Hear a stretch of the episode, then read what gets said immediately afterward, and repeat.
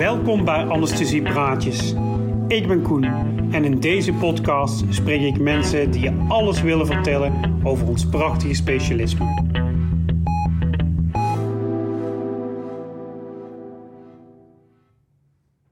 Hallo allemaal, leuk dat jullie weer luisteren naar Anesthesiepraatjes. Vandaag ben ik te gast bij dokter Niek Sperna-Weiland.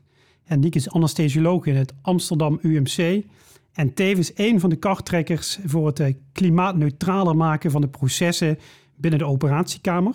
Niek, welkom. Dankjewel. Leuk hè, dat je wil komen praten over dit onderwerp. Ja. Een beetje out of the box. Ja, denk ik wel. Maar leuk, Ja. eh, leuk dat je hier Ja. eh, wilt, wilt, een opname over wilt maken. Ja, zeker in opkomsten steeds meer merk ik rondom mij. Hey Niek, hoe ben je ooit, ja, hoe ben je ooit mee in aanraking gekomen? Ja, ja, op zich wel een leuke vraag. Ik zat daar net ook over na te denken. Eh, eigenlijk ben ik zelf geïnspireerd geraakt door een eh, collega van ons, een anesthesioloog uit New York. En wij hebben hier in Amsterdam UMC een uitwisseling met de New York University. Dus elke we- elk jaar gaat er ja, een klein clubje van ons een week daarheen en dan komt ook een clubje een week hier. En ik was daar in New York te gast en ehm, niet zo duurzaam natuurlijk met het vliegtuig. Nee. Daar was dus een, een anesthesioloog en die hield zich al een beetje bezig met verduurzaming van de OK. Zij was onder andere bezig met eh, het verduurzamen van materialengebruik, maar ook lachgas, wat ze daar aan het reduceren waren. En ze vertelde daarover en toen dacht ik van, hé, hey, wat gaaf, dit combineert eigenlijk twee dingen die ik heel erg leuk vind, namelijk één, anesthesie, en twee, eh, het nadenken over, over verduurzaming en, en eh, ja, een andere positieve impact maken, zeg maar. Ja, Ehm, en toen heb ik eigenlijk besloten om daar iets mee te doen zodra ik daar de kans voor had. Ik was toen nog bezig met promotieonderzoek, dus dat kwam niet direct eh, op mijn pad. Maar mijn laatste eh, referaat toen ik hier nog in opleiding was, eh, in 2018, heb ik toen gehouden over, ja, over dit onderwerp, over verduurzaming van de OK. En heb ik een, eigenlijk een overzicht gegeven van wat we allemaal zouden kunnen doen. Toen zei iedereen van, nou, dit is zo gaaf, hier moet je iets mee doen, hier moet je mee doorgaan. Ja. En ja, de rest is history, zeg maar. ja, ja. Dus je zit sinds 2018 een beetje in dit wereldje. Ja, dus in 2018 heb ik een Green Team op de OK hier opgericht. En het leuke is, eh, we hebben hier in Amsterdam UMC innovatie-impulsen. Dus dat is een soort beurs die je intern kan aanvragen. Die heb ik toen eh, gekregen.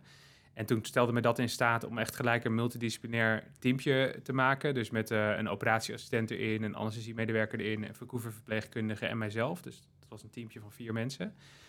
Om gelijk dat onderwerp van de OK-verduurzaming van verschillende kanten aan te pakken. En dat heeft heel goed gewerkt. Dus daar zijn we de eerste paar jaar mee aan, aan, aan de slag Mhm. gegaan. En geleidelijk heeft dat die, die olievlek zeg maar uitgebreid eh, in heel, eh, heel Amsterdam UMC. En we hebben nu meer dan 50 green teams. We hebben een hele duurzame zorgcommunity die elkaar inspireert en waar mensen ook, ja, elkaar helpen om te verduurzamen. En er werken inmiddels ook een aantal mensen gewoon voor mij om, eh, om dat proces draaiende te houden. Ja, wel leuk. En dan zeg je 50 green teams, maar dat is dan neem ik aan landelijk.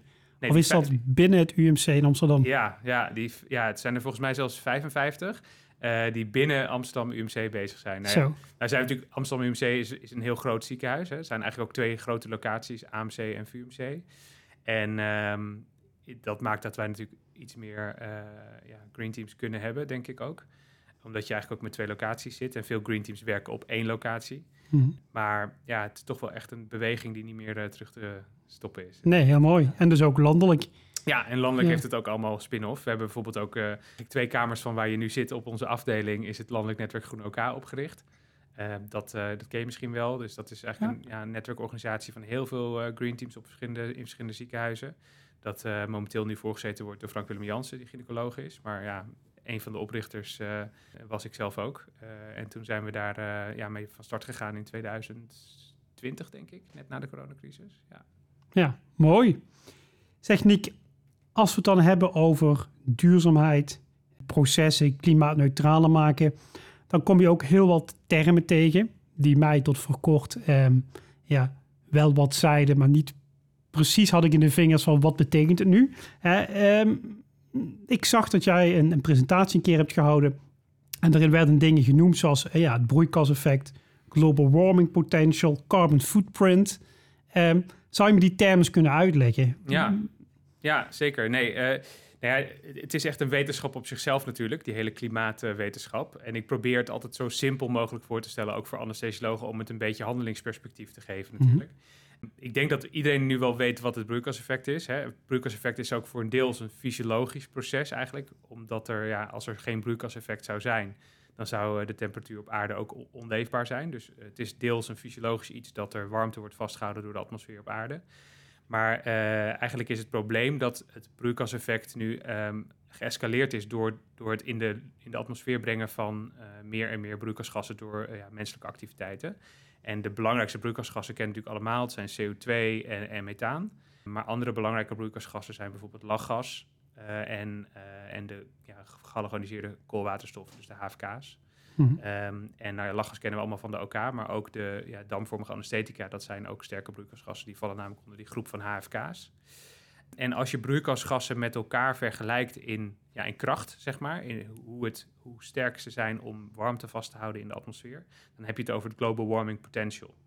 Uh, en daarmee kun je dus eigenlijk alle broeikasgassen naar elkaar omrekenen. Een beetje zoiets als uh, morfine-equivalenten, zeg maar. Ja, precies. Hè, dus, um, en dan eh, CO2 is daarbij altijd standaard uh, op één gesteld. Dus alles wordt vergeleken en naar, naar CO2 teruggerekend, net als morfine-equivalenten. En CO2 zelf is eigenlijk maar een heel zwak broeikasgas, maar is zo belangrijk omdat het zoveel wordt uitgestoten natuurlijk.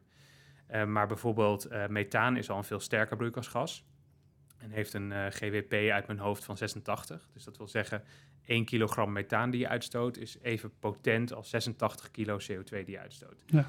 Uh, dus als je dan een carbon footprint berekent, hè, dus dat is het volgende begrip van je, dan, dan, dan hoef je niet per se alles, alles wat je uitstoot, hoeft niet per se koolstofdioxide, CO2 te zijn. Maar je kan wel alles omrekenen alsof het koolstofdioxide was. En daar moet je, daar, daar, dat noem je dan een carbon footprint de, de anesthetica, eh, als je bijvoorbeeld lachgas hebt, dat heeft een global, warming potential van uh, rond de 300.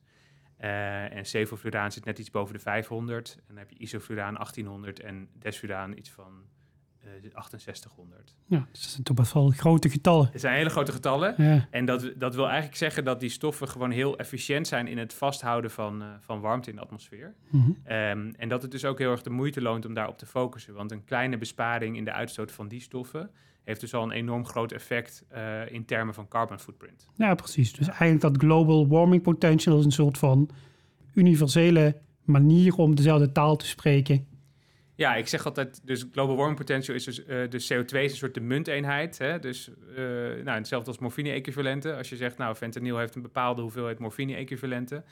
Uh, dan kan je alles omrekenen naar, naar, naar CO2.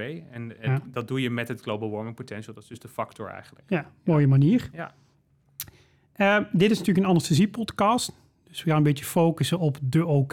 je zei al binnen het Amsterdam UMC heel veel green teams. Maar als we nu kijken naar, die, naar, naar, naar de OK, voordat we gingen focussen op duurzaamheid en zo, wat, wat was dan die carbon footprint en, en, en wat was nu eigenlijk de, de, de, de hoeveelheid afval wat je produceert tijdens een OK? Heb, heb je daar cijfers van? Ja, nou ja, dus dan heb je het eigenlijk over wat is de voetafdruk van de zorg en, en de OK, hè, misschien. Ja. Um, ja, we weten dat de zorg in Nederland is verantwoordelijk voor zeg maar, zo'n 7,3% van de hoeveelheid broeikasgassen die we als land uitstoten. Uh, we weten dat de ziekenhuizen daarvan hè, binnen die hele zorgsector de grootste vervuilers zijn. Dus ongeveer een derde van die uitstoot komt vanuit ziekenhuizen. En binnen de uh, ziekenhuizen weten we dat de OK ongeveer een derde voor zijn rekening neemt. Ja. Dus ja, je kan zeggen het is een derde van een derde van 7% uh, eh, en daarmee niet zoveel. Aan de andere kant is dat nog steeds iets in de orde van 1%. En um, ja, is dat dan ook wel weer gelijk heel veel, omdat die, omdat die footprint gewoon zo hoog is. Precies. Dus het geeft ons best wel handelingsperspectief uh, als professionals die op de OK werken om daar iets aan te doen, ja. in termen van carbon footprint. Ja, in termen van afval um, weten we dat, dat de OK verantwoordelijk is voor ongeveer 20 tot 30 procent van het ziekenhuisafval. Ja, dat is, dat is aanzienlijk als je weet dat in, de, in Nederland ongeveer 1 op de 20 kilo afval die we met z'n allen maken, uit de zorg terechtkomt. Zo, ja. ja.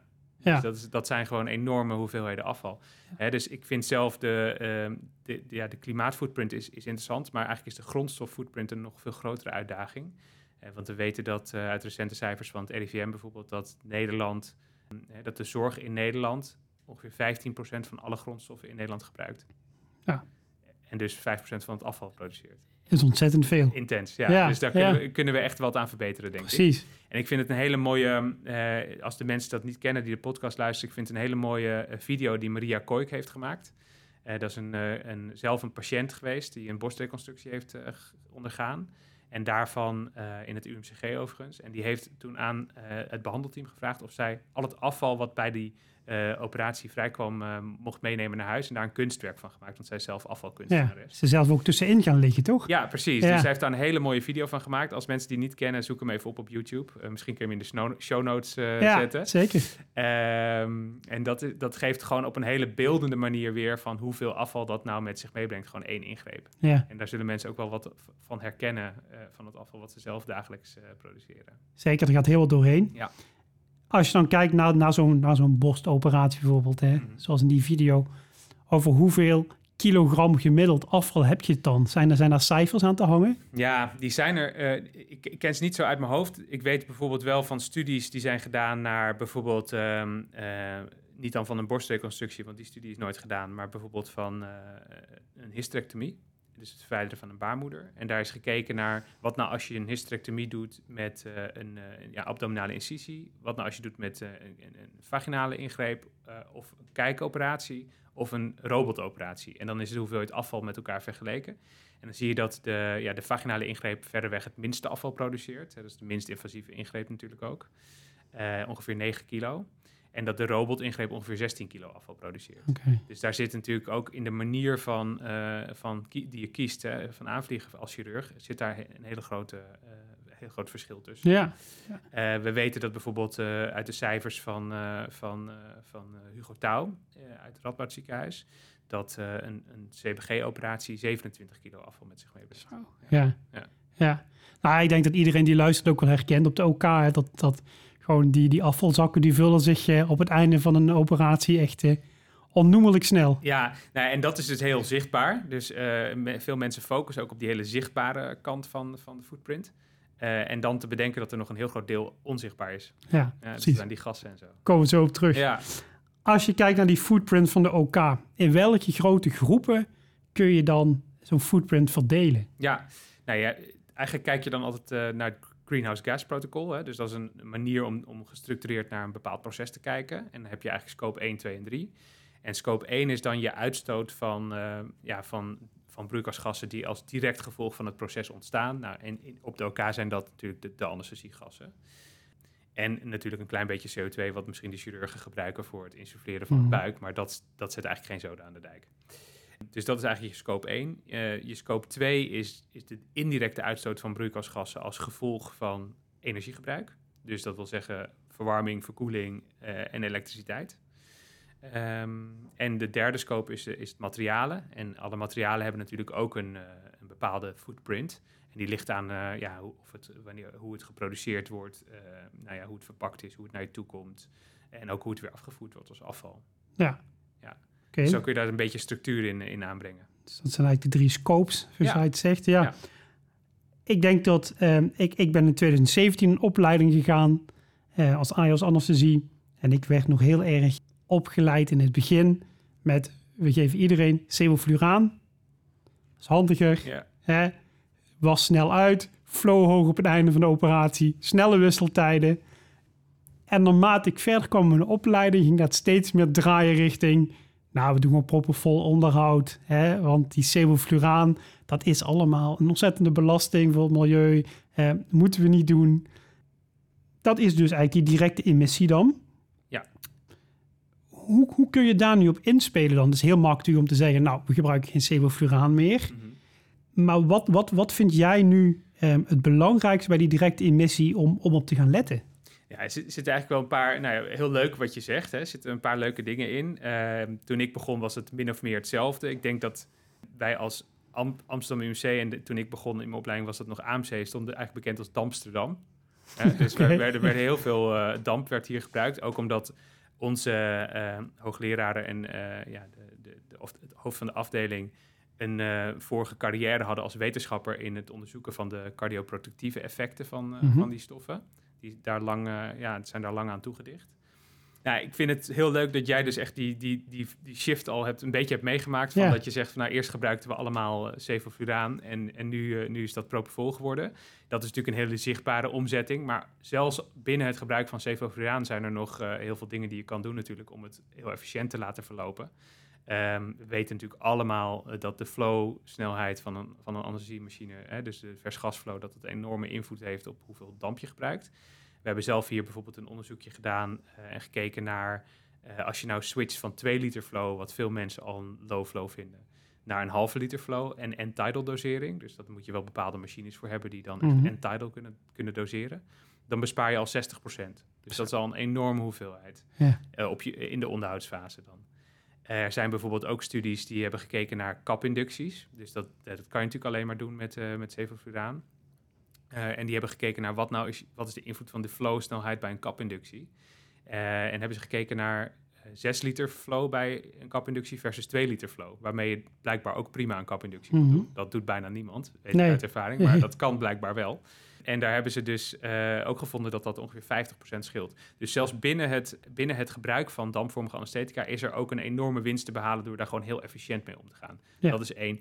En ik heb ook eigenlijk nooit gezegd dat we van Sevo af moeten, maar wel dat we over de indicatie moeten nadenken en dat we het als een, ja, dat we, dat we er eh, ja, verantwoord mee om moeten gaan. Dus ik denk dat het voor Sevo zeker nog wel een, een plek blijft binnen ons ars- arsenaal. En wat zijn nu momenten dat jij nog sevofluraan gebruikt dan? Oh, ikzelf, ja. Nou, ik, nou dus eh, als ik kinderen doe, hè, en, en eh, we hebben primair hier het idee dat we kinderen met een infusie in slaap maken. Daar worden alle kinderen ook eh, op de pols over ja, voorgelicht. Oké, Ja, dus we doen eigenlijk primair IV-inleiding. En met de EMLA-plakkers of Rapidan van tevoren. En eigenlijk hebben we gemerkt dat, dat blijkt trouwens ook uit allerlei onderzoek, dat het voor kinderen niet traumatischer is om geprikt te worden dan om een kap op hun gezicht te krijgen. Dat, dat ligt eigenlijk heel individueel. Dus eh, sommige kinderen vinden een kap fijner, sommige, mensen, sommige kinderen vinden een infuus fijner. Mhm. Maar goed, ik, ik ben ook niet van de school dat we dat af gaan dwingen. Dus als het infuus niet eh, makkelijk gaat of ik zie geen vaten, dan doe ik bijvoorbeeld wel een kap, kapinductie. Ehm, dat vind ik een, eh, nog een goede indicatie. Ja, soms heb je redenen op de OK om ineens te switchen naar damp. Bijvoorbeeld als je infuus ineens peroperatief sneuvelt. Hè, dus dan kan je wel daarmee zorgen dat je anesthesie in elk geval wo- wordt voortgezet. Eh, dat hadden wij toevallig laatst een keer aan de hand. En ik vind het soms fijn om met damp te werken als er bijvoorbeeld een spoedsetting is en je hebt eh, gewoon even handen tekort. Want dan is het natuurlijk wel een hele makkelijke en snelle manier om te waarborgen dat de patiënt slaapt. precies. Eh, maar dan dus wel altijd sevofluraan. eh, dus geen DES en geen ISO. Eh, en dus altijd op zo laag mogelijke flow met end-tidal dosering. Oké. Ja, dus eigenlijk gebruik jij nog sporadisch, als ik het zo hoor. Ja, ik, ik geef dit nu toe ten overstaan van heel Nederland. Ja. maar- bijna niet, maar eh, af en toe is het denk ik, eh, Ja. is daar gewoon, is Nee, daar gewoon wel een plek Ja. voor. Ja, Blijft wel een Ja, middel in ons koffertje om... eh, zeker. Ja. ja, Ja. zeker. Ja, je noemde net al, hè, dam bij kinderen in inducties met sevofluraan. Hè, dat, dat gebeurt nog wel eens.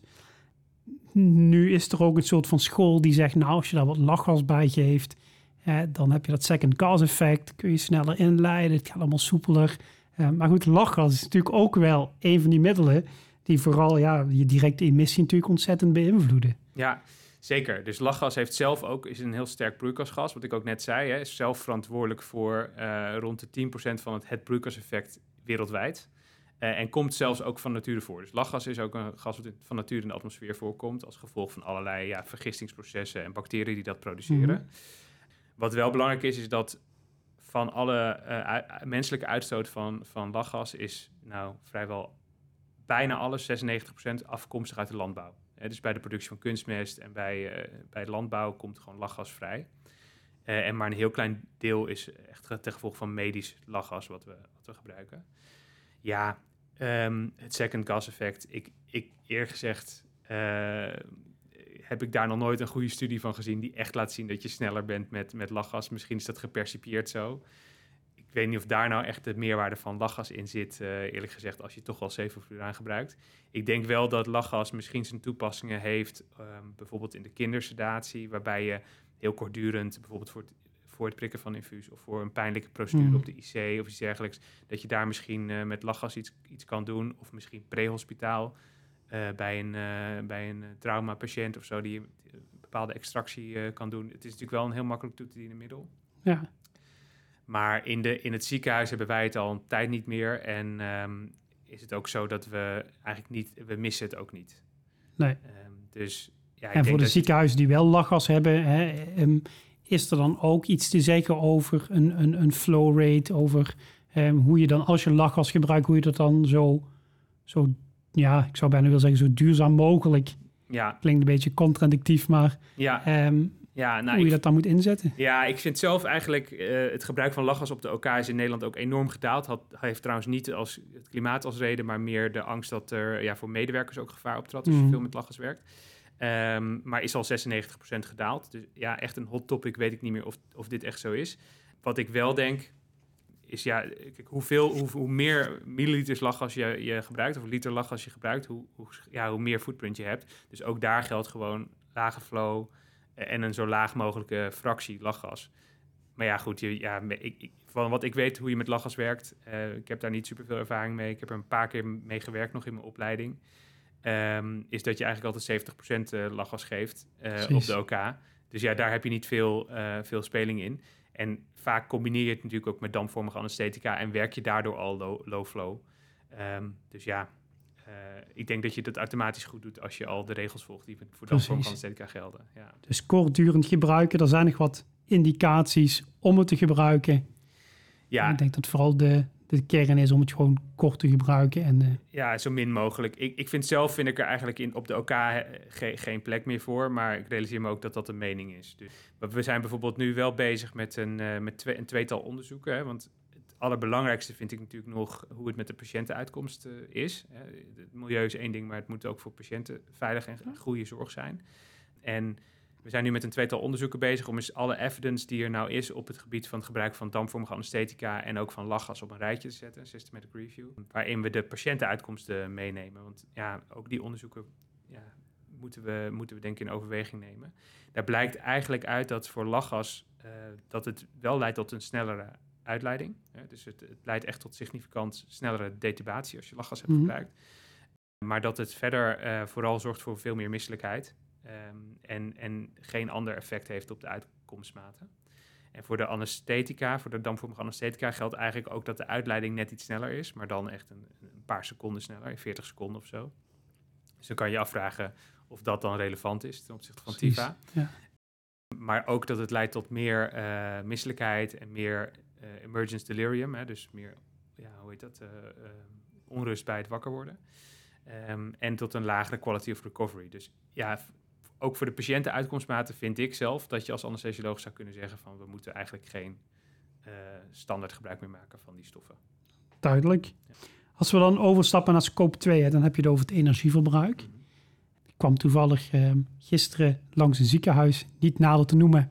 En daar brandde, nou, bijna achter elk raam brandde wel het licht nog. En toen dacht ik nog aan eh, onze opname vandaag van deze podcast. Want ja, dat, eh, dat is nogal wat energiegebruik. Als je nu kijkt naar de OK, wat, wat, wat zijn nu focuspunten om dat energieverbruik omlaag te krijgen? Ja, ook hier geldt weer eh, de zichtbare en de onzichtbare impact. Het is zo dat de, op de OK 90% van de energie gebruikt wordt door het luchtbehandelingssysteem. Dus dus eh, we zien allerlei lampen. Dat is wat jij zegt is heel kenmerkend. Van, nou, alle lampen staan hier aan, alle schermen staan hier aan, het anesthesietoestel gaat niet uit. eh, dat soort dingen allemaal. Dat is Mhm. wat mensen zien en wat ze horen. Maar dat is dus feitelijk maar 10% van het energiegebruik. Dus super belangrijk om, om, om iets mee te doen. En zeker voor bijvoorbeeld voor die verlichting, om bijvoorbeeld over te schakelen naar LED, want dat is gewoon verspilling van, van energie anders. Maar het belangrijkste wat je kan doen is eigenlijk nadenken over hoe je luchtbehandelingsvoorwaarden op elkaar zijn en hoe je dat systeem hebt ingesteld. Mhm. Eh, we weten dat eh, eh, veel luchtbehandelingssystemen in heel veel ziekenhuizen dag en nacht aanstaan. Nou ja, dat is natuurlijk iets wat eigenlijk niet te verkopen is als je het hebt over energieverbruik.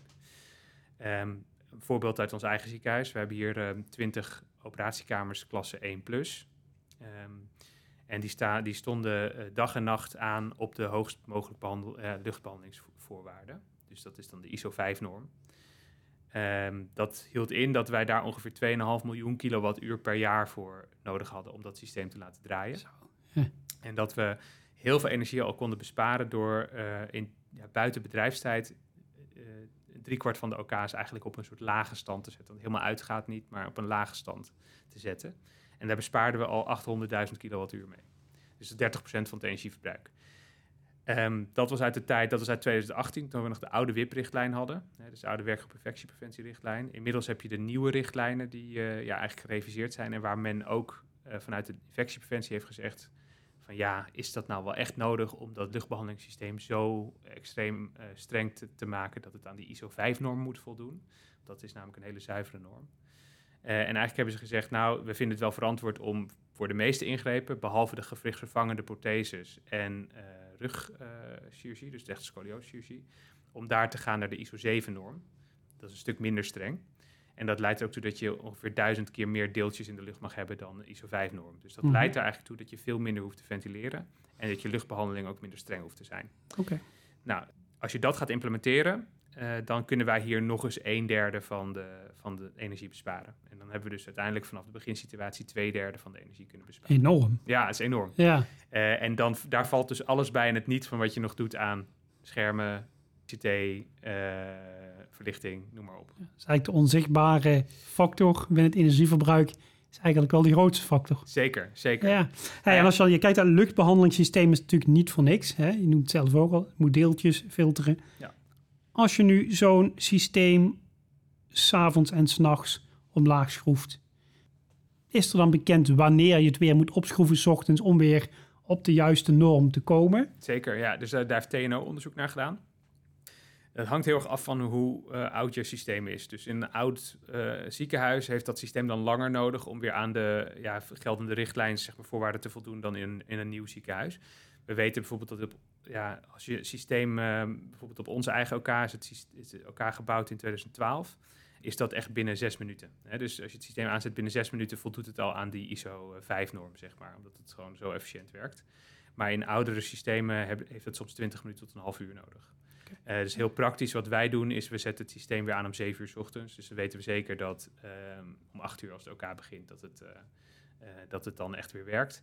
En de reden dat we het al ietsje eerder doen, want strikt genomen zou je het ook kwart voor acht kunnen doen, zeg maar, bij ons systeem. De reden dat we het iets eerder doen is ook voor, voor het thermisch comfort van de medewerkers. Dus hoewel die deeltjes in de lucht al heel snel zeg maar, op peil zijn, uh, duurt het wel even een tijdje voordat de temperatuur uh, comfortabel is om, om te werken. Dus ja. daarom zetten we het ietsje eerder aan. Oké, okay. ja. ja. En de acute kamers die s'nachts doordraaien of die stand-by moeten staan, daar blijft de luchtbehandeling gewoon op het hoogste niveau. Ja, vooralsnog is dat wel zo. Dus we hebben 20 operatiekamers, daarvan staan er 5, 24 uur per dag uh, ja, gereed. En zelf denk ik dat dat nog wel wat geoptimaliseerd kan worden. Dus uh, we willen eigenlijk nu naar een systeem waar we nog maar met één kamer permanent uh, ja, gereed staat. Ja, als je zegt binnen vijf minuten is alles gebruiksklaar, ja, dan zou ik denken, ja. Ja, en dan is het dus het enige wat dan blijft staan, is het thermisch comfort. Ja, ja dus dan is het wel warm. Mm -hmm. Er staan natuurlijk allerlei apparaten daar die warmte produceren. En dat duurt dan even voordat die lucht is afgekoeld. Oké. Okay. Ja. ja. Maar goed, dat, is dan niet, dat raakt dan niet de veiligheid voor de patiënten. Nee. Nee. nee. Oké. Okay. Ja, de stand-by modi, verlichting, dus wel op letten. Maar dat is dus niet de grootste energieverbruiker. Ja, nee, en ik zou zeker, het, is dus wel, dus het luchtbehandeling is het aller, allerbelangrijkste. Waar ik zeker zou zeker even kijken met het technische bedrijf van het ziekenhuis, want die weten vaak heel goed hoe dat staat ingesteld. Of ze ook nog andere manieren hebben om het verbruik van het systeem te verlagen. Um, een bekende manier is bijvoorbeeld recirculatie, waarbij je eigenlijk uh, de afgezogen lucht van de OK niet opnieuw, uh, niet, niet wegblaast, zeg maar, buiten de OK, maar dat je het eigenlijk filtert en opnieuw in de OK brengt. En dat scheelt je natuurlijk heel veel qua verwarming, ja. bevochtiging, ontvochtiging of verkoeling, afhankelijk van welk seizoen het is. Dat is een hele ja, makkelijke manier om ook al energie te besparen door de recirculatiefout te verhogen. En we weten dat op dit moment ook nog ja, ongeveer 1 op 10 ziekenhuizen in Nederland uh, daar helemaal niet aan doet. Dus dat is, dat is ook best nog wel een, uh, een makkelijke manier om energie te besparen. Ja, nee, precies. Je had het net over verwarming en zo. Dan denk ik ook meteen aan de berghugger bij ons. Hm. En aan afval. Ja. En dan komen we dus meteen op de derde scope terecht, hè? namelijk Zeker. ja, afvalstromen. Wat, wat is nu eigenlijk de grootste afvalbron op de OK? Zijn wij dat vanuit de anesthesie? Is dat de chirurgie? Ja, nee, dat zijn wel uh, de collega's chirurgen Ja. aan de andere kant. Ja, nee, dus uh, veel van het afval is eigenlijk het directe gevolg van gewoon het feit dat er geopereerd wordt natuurlijk. En ja, daar kunnen we niet de chirurg voor verantwoordelijk houden, want ja, die doet ook maar zijn best.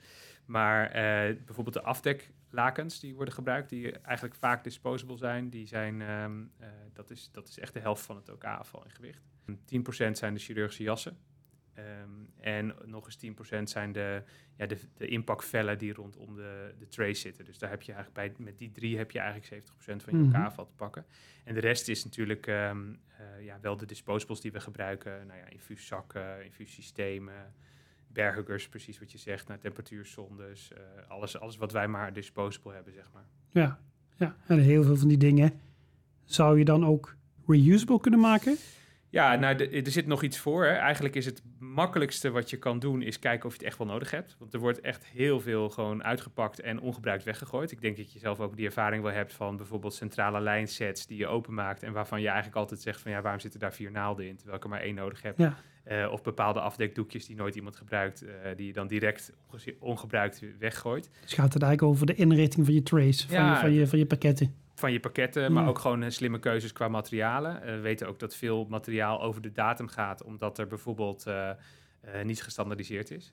En dus bijvoorbeeld als je vier of vijf uh, arterielijnsystemen naast elkaar gebruikt, dan heb je toch uiteindelijk een, een, systeem wat door de meeste mensen gebruikt wordt en de andere liggen daar alleen maar over de datum te gaan. Ja. En die worden dan netjes aangevuld als ze over de datum zijn gegaan. Maar ja, dus ook aan standaardisatie is ook een vorm van verduurzaming Mhm. natuurlijk. Inrichting van trays is een hele belangrijke. Dus ja, eigenlijk noem je dat reduce. Hè? Dus reduce is het allerbelangrijkste, want iets wat je natuurlijk niet gebruikt hoeft ook niet geproduceerd te worden of schoongemaakt te worden of afgevoerd te worden als afval. Nee. Dus uh, minder gebruiken is eigenlijk vrijwel altijd de meest uh, zinvolle manier. Nu vraag ik me daar wel bij af dan, je hebt natuurlijk altijd een beetje de afweging tussen kosten en denken aan het milieu. Mm -hmm. Hoe, hoe, hoe zit het dan met, met, met fabrikanten? Ik ben er helemaal niet bekend in, Mm -hmm. maar als ik als ziekenhuis zou zeggen tegen een fabrikant, nou, ik zou graag die trays um, zo en zo willen inrichten en ik wil dit eruit laten, ik wil dit erin. En zo'n fabrikant zegt, nou ja, dit zijn wel de standaard trays, het gaat je zoveel meer kosten als we speciaal van jouw ziekenhuis dingen moeten gaan veranderen. Dan lijkt me dat een enorme kostenpost. Ja, nou, dat verschilt heel erg waar je naar kijkt. Dus veel ziekenhuizen maken toch gebruik van custom trays. Dus dat zijn echt voor het ziekenhuis speciaal gemaakte trays. Uh, en daar betaal je gewoon eigenlijk gewoon per item wat je toevoegt op die tray. Dus de meeste dingen kun je gewoon kosten op besparen door te zeggen van laat dat maar weg okay. uit de tray. Het is juist goedkoper uh, en dus ja, duurzamer om te zeggen laat ja, maar weg. Ja. ja. dus veel van die reduce uh, ja, dingen die we doen, dat, dat zijn eigenlijk ook kostenbesparende dingen. Okay. Ja. Maar als je het hebt over standaard trays, die, uh, ja, die zal op een bepaalde manier voorgemaakt zijn en die ziekenhuizen dus gewoon van, uh, van de plank afkopen, zeg maar. Ja, dan is het natuurlijk kost het meer als je dat wil laten aanpassen voor jouw ziekenhuis. Maar dan heb je wel vaak de keuze uit meerdere ja, producten van bijvoorbeeld verschillende fabrikanten of verschillende uitgebreidheid aan setjes, waardoor je ook daarin wel weer wat kan doen. Dus heb je echt een set nodig met 10 gazen of kan je bijvoorbeeld ook een set met, met drie gazen. Mm -hmm. En dus daar hebben wij wel wat slimme keuzes in gemaakt. Okay. En dan zie je wel vaak dat de setjes die slanker zijn, dus wat minder uh, materiaal in zit, dat die ook gewoon goedkoper zijn. Dus die reduce alternatieven, dat zijn uh, eigenlijk altijd alternatieven waar, waar gewoon geld te halen is voor het ziekenhuis. Ja, een leuk voorbeeld bij ons is bijvoorbeeld ook nog de zuurstofcilinders. Laat ik ook vaak zien uh, in, in presentaties. Waarbij we heel veel uh, geld en, en, en impact besparen door het gebruik van zuurstofcilinders op te optimaliseren. Ik weet niet of jullie dat ook hebben, maar je, we, hadden een, we hebben zo'n zo zuurstofkast waar cilinders in staan en er staan dan volle en lege. Met een, pla ja, een plankje volle en een plankje lege. Maar wat doe je nou met een cilinder die nog half vol zit? En wat, wat doe je daar in de praktijk mee? Daar zet je hem bij leeg neer. Want, ja. uh, want je wilt niet dat je collega misgrijpt, zeg maar. Dat hij een, denkt een volle cilinder te pakken en die een halfvolle cilinder pakt. Het bedrijf wat daar dan achter zit, laat die flessen eerst helemaal aflopen als ze ze op hebben gehaald. Omdat zij willen garanderen dat er echt zuurstof in zit. En niet dat jij ze opnieuw hebt gevuld met iets anders. Dus die laat die, die zuurstof aflopen, wat eigenlijk extreem zonde is, omdat het maken van zuurstof heel veel energie kost. Uh, en vult ze daarna opnieuw af en zet ze weer bij vol neer. Dus wij hebben het gebruik van zuurstofcilinders met 80% kunnen reduceren door één plankje in die kast toe te voegen met aangebroken. Waardoor mensen hun uh, ja, halfvolle cilinder ergens kwijt kunnen. En waardoor mensen ook die die kast openmaken denken van... hey, heb ik nu echt een volle cilinder nodig? Of kan ik bijvoorbeeld ook met een halfvolle cilinder uh, vandaag werken? Ja. Nou, en dat, dat geldt in de meeste gevallen gaat dat ook heel goed. Dus dat is een, ook weer een voorbeeld van reduce. Dus besparing voor, voor, voor het milieu, maar ook besparing op kosten. Maar ook best wel weer een onzichtbare factor dan. Ook een onzichtbare Ja. factor, ja, zeker. Ja. Ja, ja, Ook zuurstof is dus iets waar ja, eh, tijdens anesthesie bijvoorbeeld, waar je eh, bewust over na kan denken. Want zuurstof maken kost gewoon heel veel energie. Want je moet Mhm. namelijk het uit de atmosfeer halen. Uit, in de atmosfeer zit ongeveer 20% zuurstof. Daar moet je 100% van maken. En daar moet je dus eh 80% stikstof van, van wegscheiden. En dat doe je door het heel diep te koelen. En dan scheiden die twee componenten zich van elkaar. En dan geldt nog voor medicinale zuurstof dat je het nog heel zuiver moet maken ook. Mhm. Dus eh, dat is een energie, heel erg energie-intensief proces. Dus ook als je nadenkt over bijvoorbeeld je onderhoudsfase van anesthesie. Ja, als je zo duurzaam mogelijk wil werken, eh, kies dan het laagst mogelijke zuurstofpercentage wat jij veilig vindt voor de patiëntenzorg. Precies. Ja. Ja, en daar Ook zit dan ook reduced. stukje soda lime bij. Ja, nou, dat is een interessant eh, iets. Daar ben ik eh, ook nog internationaal over in discussie met verschillende experts. Er is een eh lifecycle assessment gemaakt. Hè? Dus als je wil kijken naar hoe je een proces duurzaam maakt, dan moet je natuurlijk een, eigenlijk een goed, goede meting maken van wat is nu de footprint van dat proces en waar zitten de hotspots.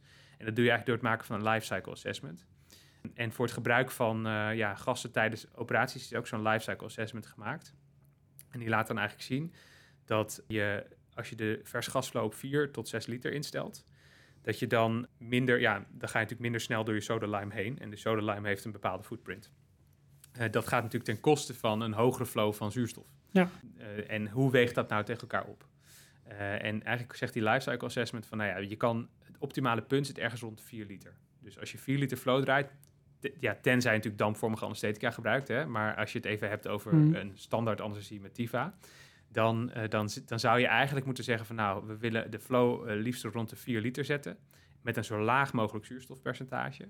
Om daarmee eh, zo zo milieuvriendelijk mogelijk te werken. En ook heel veel kosten te besparen op het gebied van, eh, van soda lime eh, wat je gebruikt. Oké, ja. Dus we hebben dan een stukje reduce al aangestipt. Wat, wat, wat zit er nog meer binnen die afvalstroom? Want reduce, nou ja, zo weinig mogelijk gebruiken, trace anders inrichten. Ja. Maar je blijft natuurlijk wel afval produceren. Nou, je zei, je zei het eh, net zelf al, hè? dus wij werken eigenlijk met het eh, adagium reduce, reuse, recycle. Eh, dus dat is eigenlijk de 3R-strategie. Mhm. Die is overigens onderdeel van een veel groter framework. Dat is eigenlijk de 10R-strategie. Is, is bedacht in Nederland, maar wordt wereldwijd gebruikt. Reduce, reuse, recycle. Dus onze volgende stap is eigenlijk, kunnen we naar hergebruik toe? Mhm. Dus van alles wat we weggooien, kunnen we daar op een of andere manier een her hergebruik alternatief voor verzinnen. Ja, dat, dat, dat vergt veel meer werk dan reduce. En is dus ook minder impact dan reduce. Maar eh, het- is wel uiteindelijk de weg voorwaarts, omdat je natuurlijk altijd producten nodig blijft hebben. Je kan niet alles zomaar, zomaar reduceren.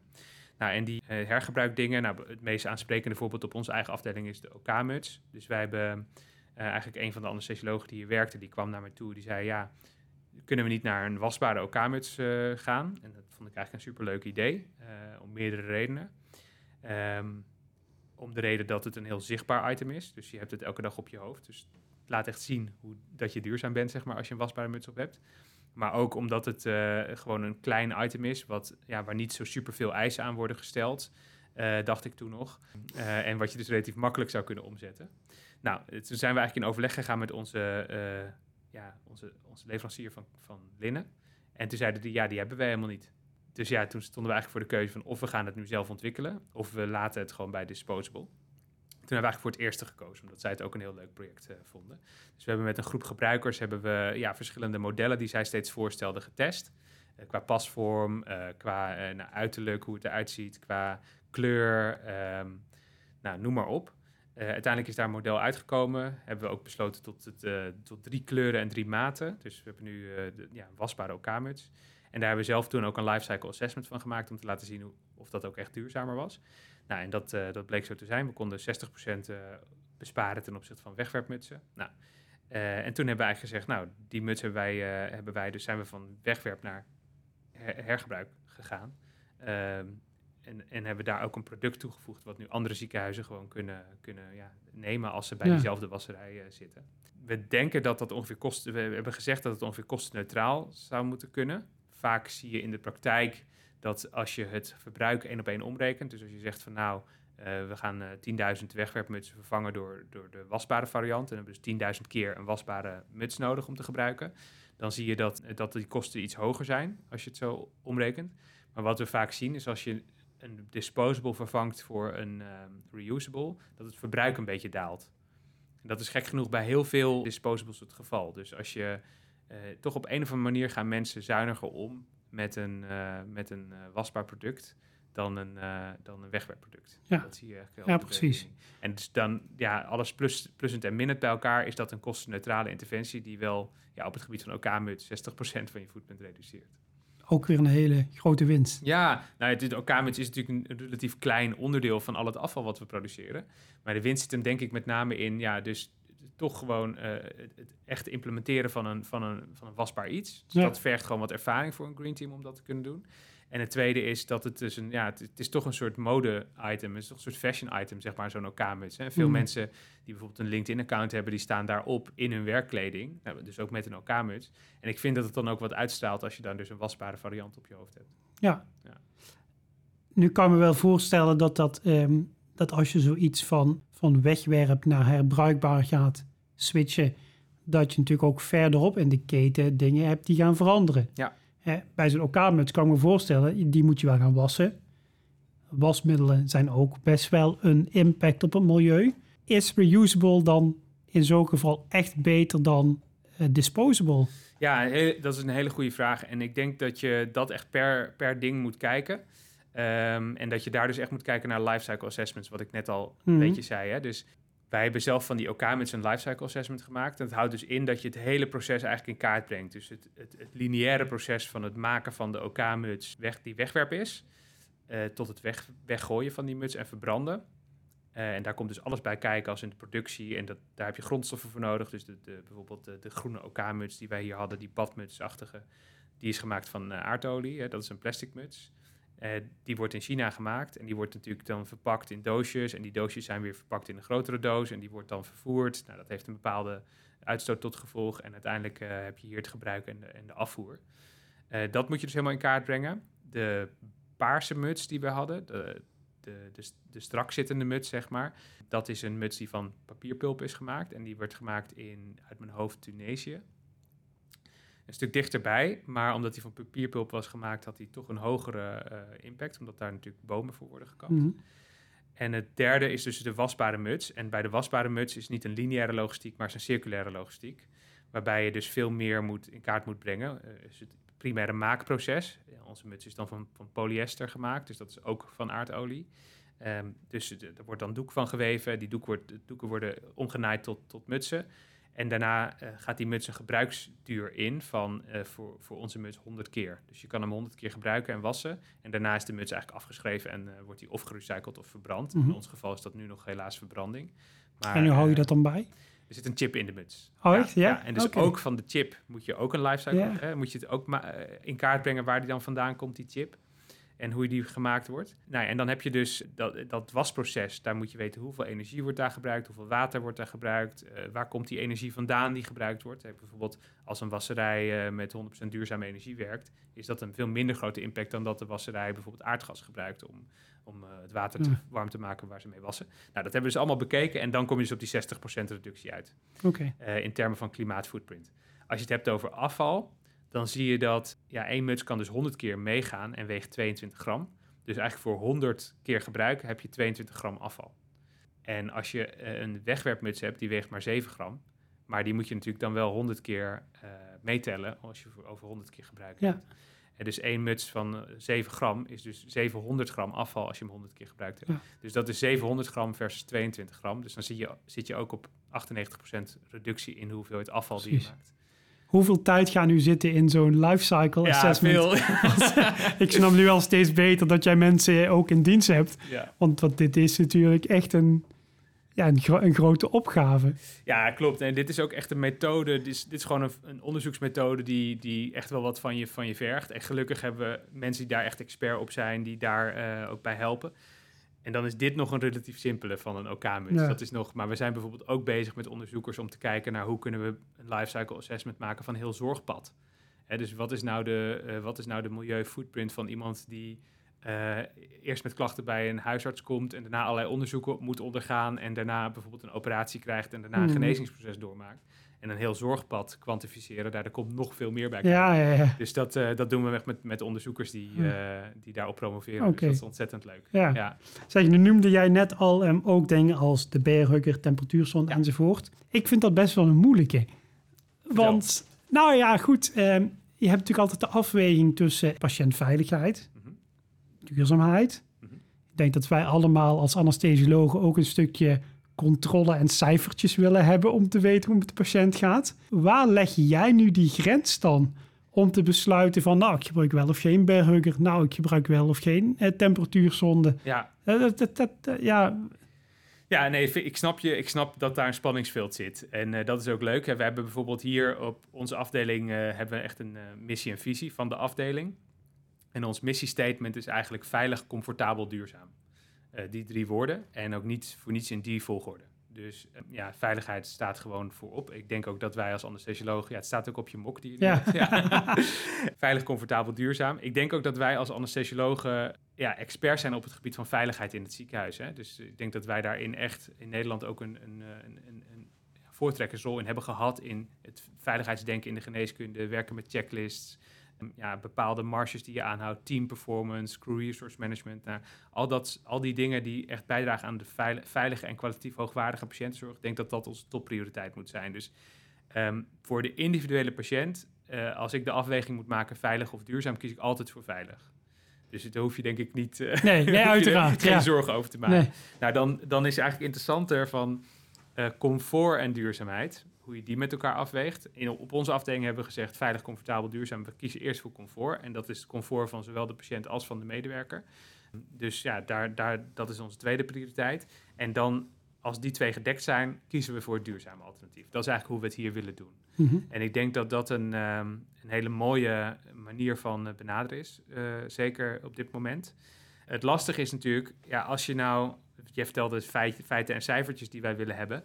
Eh, als je nou die fei- feiten en cijfers niet hebt, dan moet je natuurlijk een soort educated guess gaan maken van wat vind ik veilig en wat vind ik niet veilig.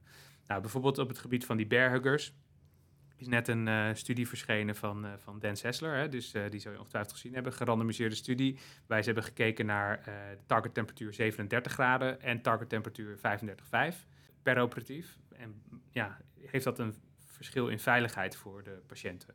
En daar vonden ze eigenlijk geen verschil. Dus ze vonden niet meer infecties, ze vonden niet meer nabloedingen, ze vonden eigenlijk geen enkel verschil op uitkomst in die gerandomiseerde studie, terwijl er wel 2.500 patiënten werden gerandomiseerd. Mhm. Dus dat, zijn, dat, is, dat is eigenlijk, daarmee laat je eigenlijk zien van, nou ja, het maakt niet zoveel uit of je nou iemand van 35,5 hebt of iemand die 37,0 graden is. Dat is denk ik een hele belangrijke aanwijzing. Een tweede belangrijke in, die, in diezelfde studie was dat ze hebben gekeken naar de quality of recovery. Dus hebben ze een vragenlijst afgenomen bij die patiënten en gekeken van nou, wat, wat vind jij nou, eh, hoe heb jij nou de kwaliteit van je herstel ervaren? En ook daar vonden ze geen verschil in de twee groepen. Dus mensen hadden het niet meer koud, vonden het niet meer eh, oncomfortabel, zeg maar, eh, om 35,5 te zijn op de Vancouver als, als 37,0. Ehm, nou, en daarmee heb je eigenlijk die twee aspecten ge- gecoverd. En kan je daarna zeggen van oké, hoe kun je dan, wetende dat, je dit, dat dit veilig en comfortabel is, hoe kun je het dan zo duurzaam mogelijk inrichten? En toen hebben we eigenlijk gezegd, nou, standaard voor iedereen een temperatuurzonde en een bearhugger is dan niet meer op zijn plek. Nee. Want eh, je hebt ook natuurlijk hele korte ingrepen. Je hebt misschien ingrepen die, waar patiënten helemaal afgedekt liggen. Dus nou ja, alles bij elkaar denk ik dat we toen een- met een voorstel zijn gekomen. Dat hebben we ook in het NTVA gezet, eh vorige nummer.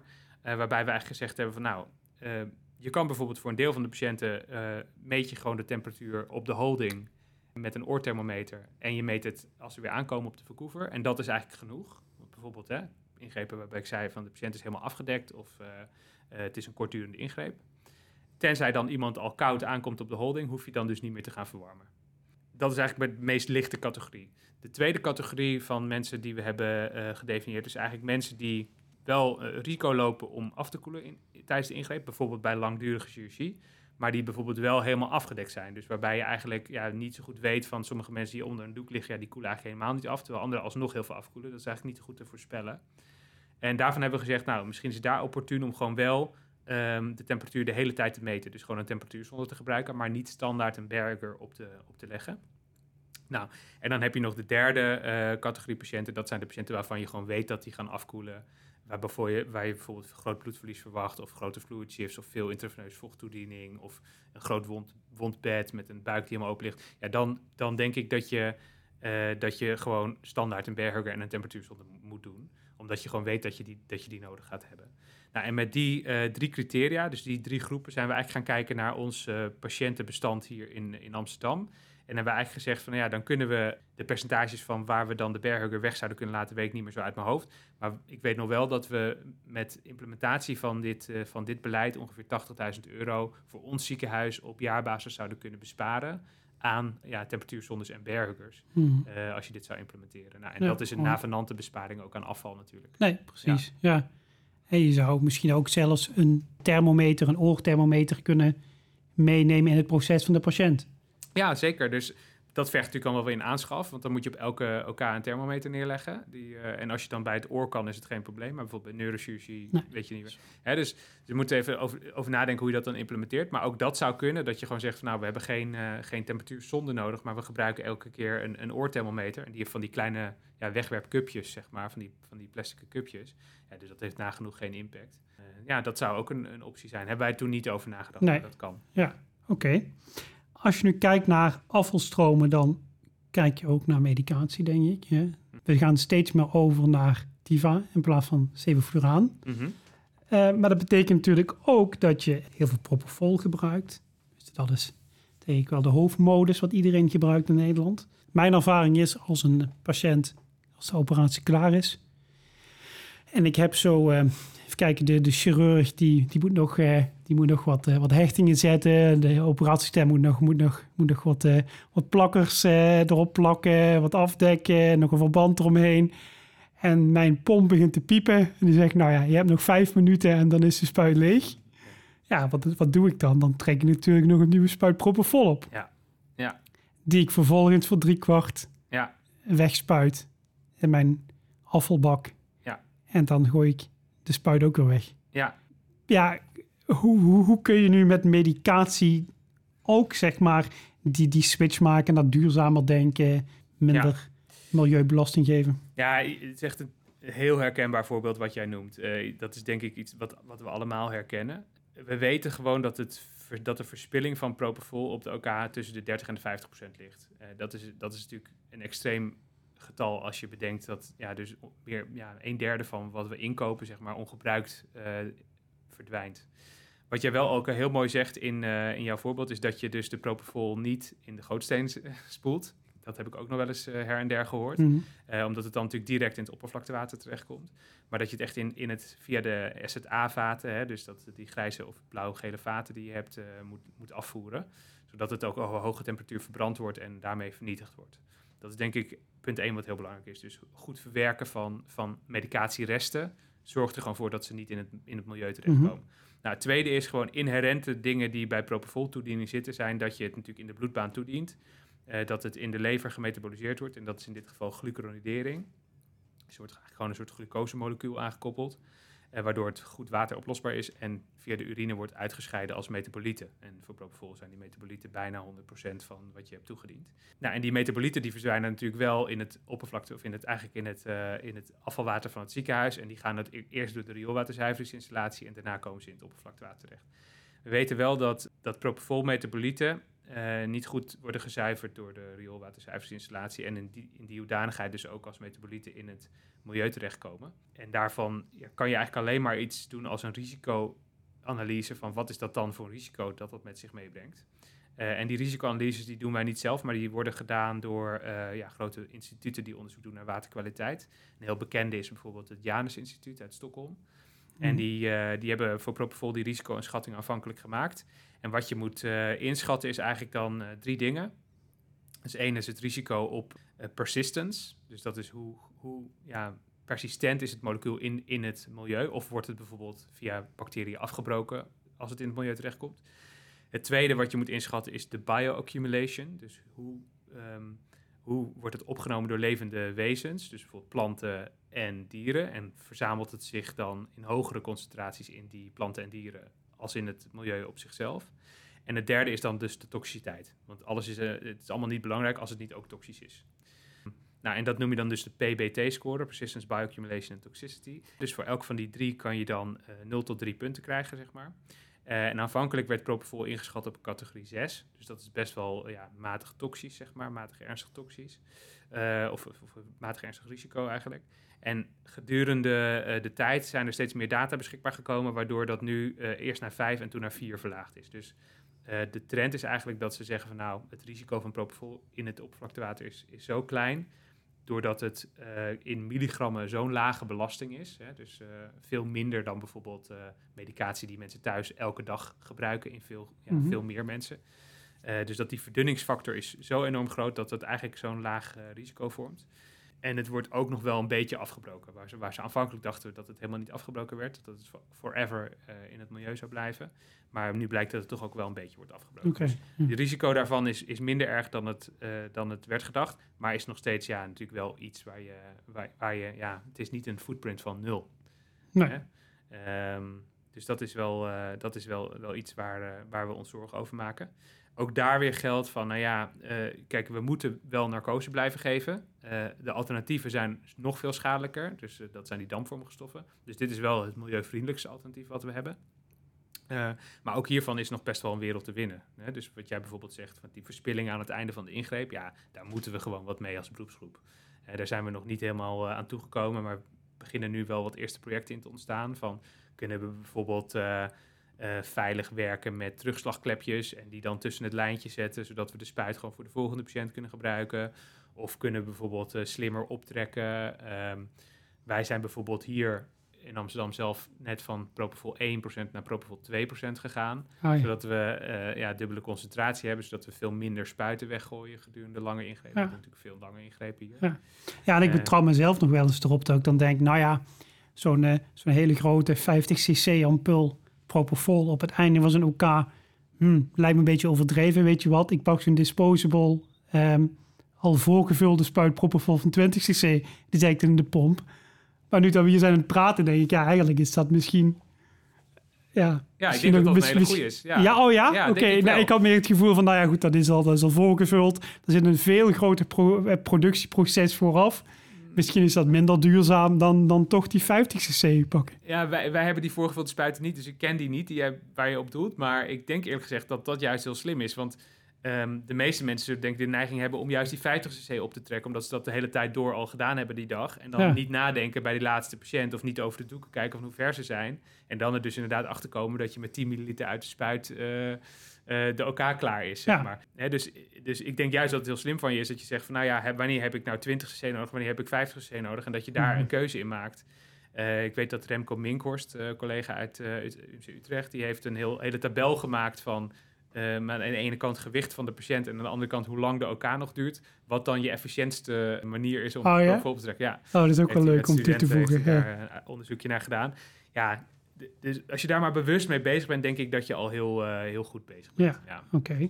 Als je dan kijkt naar die medicijnresten, maakt het dan ook nog uit em, in welke toedieningsvorm je het geeft? Ik weet bijvoorbeeld, dat diclofenac plas je best wel uit. Ja, Eh, er zijn onderzoeken over geweest dat het oppervlaktewater, dat dat nu niet echt per se schoner wordt als er diclofenac in zit. Maakt het dan uit of je het IV geeft, oraal, rectaal?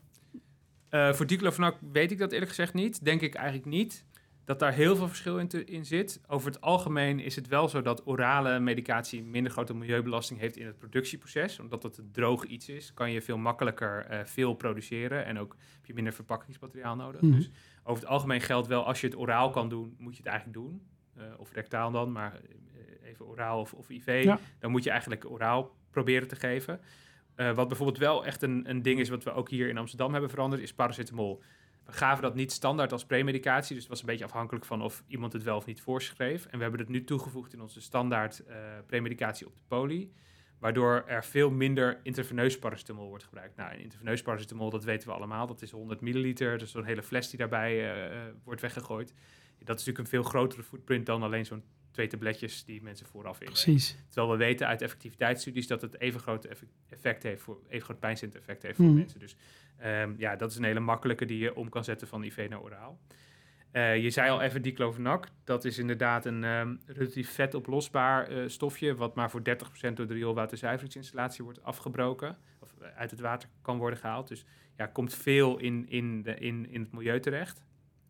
Groot probleem bij diclofenac is niet zozeer wat er in ziekenhuizen wordt gegeven, maar met name die Voltaren en die dus op de huid worden aangebracht. Oh, en die, die in kleding komt en daarna via was in het oppervlaktewater komt. Of gewoon tijdens het douchen, hè, via, dus echt als de pure diclofenac mhm. in het water terechtkomt. Dus dat is een hele grote milieuvervuiler daarin, omdat die concentratie erin ook relatief hoog is. Het gaat echt om grammen in plaats van milligrammen. Dus ja, daar, daar is het handelingsperspectief voor ons misschien niet zo, uh, zo super. Wat wel natuurlijk is dat bijvoorbeeld stoffen als ibuprofen worden voor meer dan 90% uh, door de rioolwaterzuiveringsinstallatie gezuiverd. En er zijn wel proeven geweest, bijvoorbeeld in de regio in Drenthe weet ik, waarbij ze die hele regio, alle huisartsen hadden gevraagd van zet nou alle diclofenac om naar, naar ibuprofen. En vervolgens zagen ze weer dat ibuprofen in het oppervlaktewater uh, steeg. Dus ja, eh, ik vind het heel lastig om daar gelijk een, een, een uh, advies in te geven. En ik denk dat we daar ook nog heel veel kennisontwikkeling te gaan hebben. Hm. Uh, we werken bijvoorbeeld wel met het RIVM samen, met Caroline Moermond onder andere, om te kijken van of we ja, um, meer kennis kunnen ontwikkelen op het gebied van hoeveel medicijnen er nou eigenlijk in het oppervlaktewater in, in Nederland zitten. Want dat weten we gewoon nog helemaal niet. er zijn, zijn meer dan 2000 geregistreerde geneesmiddelen en het RIVM houdt er op dit moment 120 van in de gaten. Dus van, van 1880 weten we helemaal niet wat überhaupt de concentratie is in het, in het oppervlaktewater. Ja. Dus, uh, dus is echt nog toekomst, uh, daar, toekomstwerk. zeker, daar zit echt nog wel wat kennisontwikkeling in. Ja. ja. En Nick, als ik, als ik dit nu zo allemaal hoor, hè, dan denk ik, nou, de OK is best wel een, um, een plek waar winst te boeken is, maar waar ook heel veel milieubelasting ontstaat. Ik zou bijna zeggen, niet opereren is de duurzaamste optie. Dus laten we in de spreekkamer zoveel mogelijk aansturen op niet opereren? ja, het is een spannend, uh, spannende kwestie die je daar aansnijdt natuurlijk. Kijk, ik denk uh, dat dat voor anesthesiologen heel lastig is om daar iets mee te doen. Want wij worden natuurlijk echt pas aan het einde van zo'n proces, als die beslissing al min of meer genomen is, worden wij uh, erbij betrokken om het proces te faciliteren. Um, Niettemin denk ik dat we ons wel, ja, dat wij wel onszelf hard kunnen maken voor het maken van rationele keuzes op dit gebied. En ik vind een heel interessant project eigenlijk het project van, uh, van onder andere Sjoerd Repping bij het Zorginstituut, hè, de, de, zinnige zorg, zinnige en, en, passende zorg eigenlijk. Ja, wat wij doen, dat moet natuurlijk wel zin hebben. Dat moet natuurlijk wel echt de kwaliteit van leven van de mensen verbeteren. En dat moet niet iets zijn waarmee we vooral een DBC kunnen openen, zeg maar. Mhm. Uh, en daar bedoel ik helemaal niks uh, verkeerds mee hoor. Maar ik denk wel dat van heel veel onderzoek, van heel veel van interventies die medisch gebeuren, dat er eigenlijk gewoon helemaal geen bewijs voor is dat we ze doen. En dat het eigenlijk op basis van de ervaring en uh, van de individuele uh, professional is die erbij betrokken is, of dat daadwerkelijk een zinnige ingreep is. Ik denk wel dat we naar um, een maatschappij toe moeten waarbij we veel meer doelmatigheidsonderzoek gaan doen. We veel meer kijken van wat, waar kunnen we nou met een bepaalde zo min mogelijke belasting voor, de, voor het milieu, voor de maatschappij in, termen van kosten, maar ook voor, voor grondstoffen, nou noem maar op, voor, voor het schaarse zorgpersoneel, uh, nou, al die factoren spelen mee in het schaarste model. En hoe kunnen we die zo efficiënt mogelijk inzetten om zo maximaal mogelijke gezondheidswinst te boeken? Ja, en dan, dan is natuurlijk het, de, de, de, de, de krantenkop is niet opereren is de duurzaamste uh, vorm van, op, van opereren. Uh, maar ik denk dat daar wel een hele wereld nog te winnen is aan, ja, aan passende zinnige zorg. Ja, ja, Dus daar ligt ook wel een rol voor de anesthesioloog. Nou, dat denk ik wel. Um, met name in hoe kan je het ziekenhuisbeleid beïnvloeden om dit proces beter te maken. Uh, ik denk dat het op individuele casusniveau heel lastig is om hier ja, beleid aan te gaan verbinden of, of, een, of, of actie op te ondernemen als anesthesioloog. Maar veel anesthesiologen zitten ook in ziekenhuisbesturen, maken zich hard voor bepaalde kwaliteitsverbetering in het ziekenhuis. En ik denk als je daar doelmatigheid, zinnige zorg, passende zorg in meeneemt, dat dat eigenlijk alleen maar iets, iets goeds is. En niet, niet alleen voor het milieu, maar ook voor kosten en ook voor de inzetbaarheid van je personeel. Nou, mee eens, ja. Als we nu alles zo bij elkaar nemen, wat, wat is dan nu de toekomst? Waar, waar, kunnen we nu nog winst pakken? Naast alle mogelijkheden, ideeën die je net al hebt gegeven. En hoe moeten we dat dan aanpakken? Ja, nou ja, het is een beetje filosoferend natuurlijk, hè, maar ik denk dat er de belangrijkste transitie die we misschien moeten maken is: wat is onze visie op de, op de gezondheidszorg? Hè? Willen we willen we doorgaan zoals we nu doorgaan en dat op een duurzame manier gaan doen? Nou, dan, kunnen we, eh, dan gaan we gewoon kijken van wat zijn de footprints van al die zorgpaden die we hebben. Waar zitten hotspots? Wat kunnen we veranderen? Waar kunnen we energietransitie uh, versnellen? Dat soort dingen. Of willen we eigenlijk veel meer kijken naar ja, waar kunnen we nou de meeste gezondheidswinst boeken? Hè? En dat is wat ik net ook al zei van die passende zorg, zinnige zorg, doelmatigheid vind ik denk ik heel erg belangrijk. Maar ook hoe kun je nou van curatieve zorg naar preventieve zorg gaan? Uh, en welke rol kunnen wij daar als anesthesiologen in spelen? Dat zijn allemaal onbe onbeantwoorde vragen waar we met mhm. z'n allen de dialo dialoog over moeten aangaan, denk ik. Uh, dus daar is nog heel veel kennisontwikkeling uh, mogelijk. Dus ja, allemaal onderzoekskansen die daar liggen. Ja, waar is nog winst te behalen? Ik denk dat, wat we net al zeiden, die, die, die, je, qua implementatie raakt het nu ook wel echt aan wat we op dit moment weten. We proberen heel hard kennisontwikkeling ja, hand in hand te laten gaan met verduurzaming. Maar ja, heel veel weten we ook gewoon nog niet. Dus is het uh, ja, echt zaak dat als we daar goede data-gedreven beslissingen over willen nemen, dat we dan die kennisontwikkeling gewoon versnellen. Dus ja, als anesthesiologen mee willen doen in onderzoek, uh, weet, me, weet me daarin in te vinden. Ik denk dat onderzoek toch de manier is om ja, een evidence-based zorgsysteem uh, te transformeren. Oké. Dus als ziekenhuizen of anesthesieafdelingen willen verduurzamen, waar kunnen ze dan terecht? nou, ik denk dat iedereen mij inmiddels wel weet, te vinden. Uh, via LinkedIn of uh, via mijn mailadres die je misschien in de show notes uh, kan zetten. dus dat mag zeker. Ja, kom gewoon naar me toe en kijk waar we... Hè, we kunnen altijd kijken waar we kunnen samenwerken. Of waar bijvoorbeeld... waar ik mensen aan elkaar kan verbinden... die bijvoorbeeld al heel erg goed bezig zijn op, op dit gebied. En het is echt niet zo dat wij in Amsterdam hierin op alle gebieden koploper zijn. Helemaal niet. Ik heb denk ik ook wel een aantal voorbeelden genoemd van andere ziekenhuizen... die die echt op hun gebied daar echt ver voor op ons weer zijn en waar wij ook weer heel veel van leren. Maar ik denk het belangrijkste is dat we dit, dat we gewoon ons realiseren dat er een enorme opgave voor ons ligt om de komende 33 jaar naar een, nee wat zeg ik? ja, tot 2045 moeten we klimaatneutraal zijn. Hè? Dus tot 33 jaar naar een, ja, een, een, een klimaatneutraal zorgsysteem te gaan. en dat we dat echt alleen maar kunnen doen als we dat samen doen. Ja, dus de anesthesioloog is niet alleen een perioperatieve dokter, maar ook een dokter die aan de duurzaamheid denkt en aan de toekomst. Nou, dat zou ik wel heel mooi vinden als we dat uh, zo gaan zien. Ja. ja. Nick, ik wil jou bedanken. Dank je wel voor de de luisteraars bedanken. En uh, tot de volgende keer.